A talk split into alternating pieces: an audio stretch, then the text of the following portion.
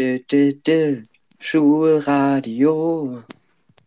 Hallo ihr Lieben und herzlich willkommen zu den Tiefseefreunden, euer Podcast über die Tiefsee. Heute mit Lena, Johanna und Fernando. Lena, sag doch mal, wo bist du denn gerade? Ich bin gerade live aus dem Bermuda-Dreieck. Johanna, willst du uns erzählen, wo du gerade bist?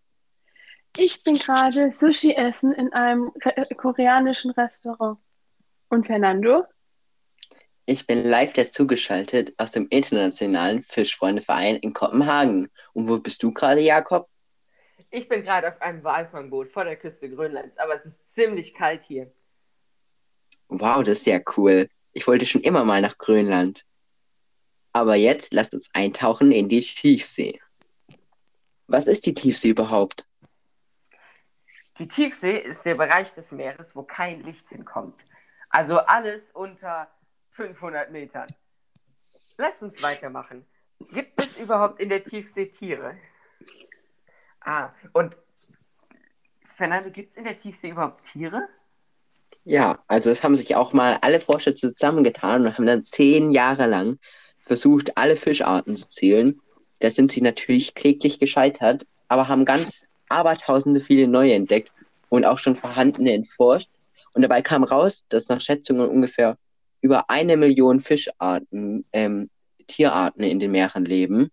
Und ähm, bisher sind aber nur ein Drittel entdeckt. Ah.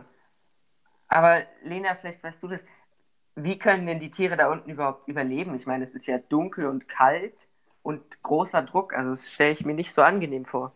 Es gibt sogenannte schwarze Raucher, aber über die kann uns vielleicht die Johanna etwas mehr erzählen. Klar kann ich das.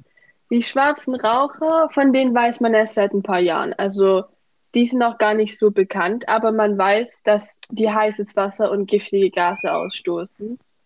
Und sie befinden sich auch an den Stellen mit sehr dünnem Boden, wo, ähm, wodurch das Wasser dann in die Erdkruste fließt und dort von Magma, die sehr hoch sitzt, auf über 350 Grad erhitzt wird. Das Wasser steigt dann wieder nach oben und dann kommt da durch die kalte äh, Umgebung kristallisiert das Wasser und der schwarze Rauch, der entsteht bei dem wieder nach oben Weg. Und deswegen heißen die schwarze Raucher, weil der Rauch halt schwarz ist. Ne? Ah, interessant. Und dann können die Fische in, an diesen schwarzen Rauchern können dann da überleben. Lena, sag mal, interessieren uns nur die unentdeckten Tierarten und die Fische da in der Tiefsee oder gibt es da noch mehr, was dem Menschen nützlich sein könnte? Tatsächlich wurden im Pazifik riesige Manganfelder entdeckt. Ähm, Mangan, was ist das? Mangan ist ein Gestein, in dem Kupfer, Kobalt und Nickel zwar in kleinen Prozenthalten, Prozentanteilen enthalten ist, aber es ist da. Und wofür brauchen wir dieses Mangan? Mangan ist für die elektronischen Geräte sehr wichtig. Ah, und das kann man dann einfach da rausziehen. Der Abbau ist halt sehr gefährlich für die Unterwasserwelt, denn viele Tiere, Organismen, die reagieren sehr sensibel auf die Veränderungen im Lebensraum und es gibt sehr schwere Folgen für das Ökosystem. Also wir sollten es besser nicht abbauen. Richtig. Dann ist ja eigentlich nutzlos irgendwie so. Tatsache. Kurz gesagt, man kann die Manganfelder nicht nutzen. Dann hätten wir das auch geklärt. Fernando, hast du uns noch was zu sagen? Ja, auf jeden Fall. Also mehr über die Artenvielfalt zu wissen, lohnt sich. Nicht nur, um das Ökosystem besser zu verstehen, sondern auch, um Patente für technologischen und medizinischen Fortschritt nutzen zu können. Und weil das Meer stellt nämlich eine riesige Bioressource dar. Und es besteht dann immer die Hoffnung irgendwie, dass man in der Tiefsee neue Werte schöpfen kann aus der Tiefsee.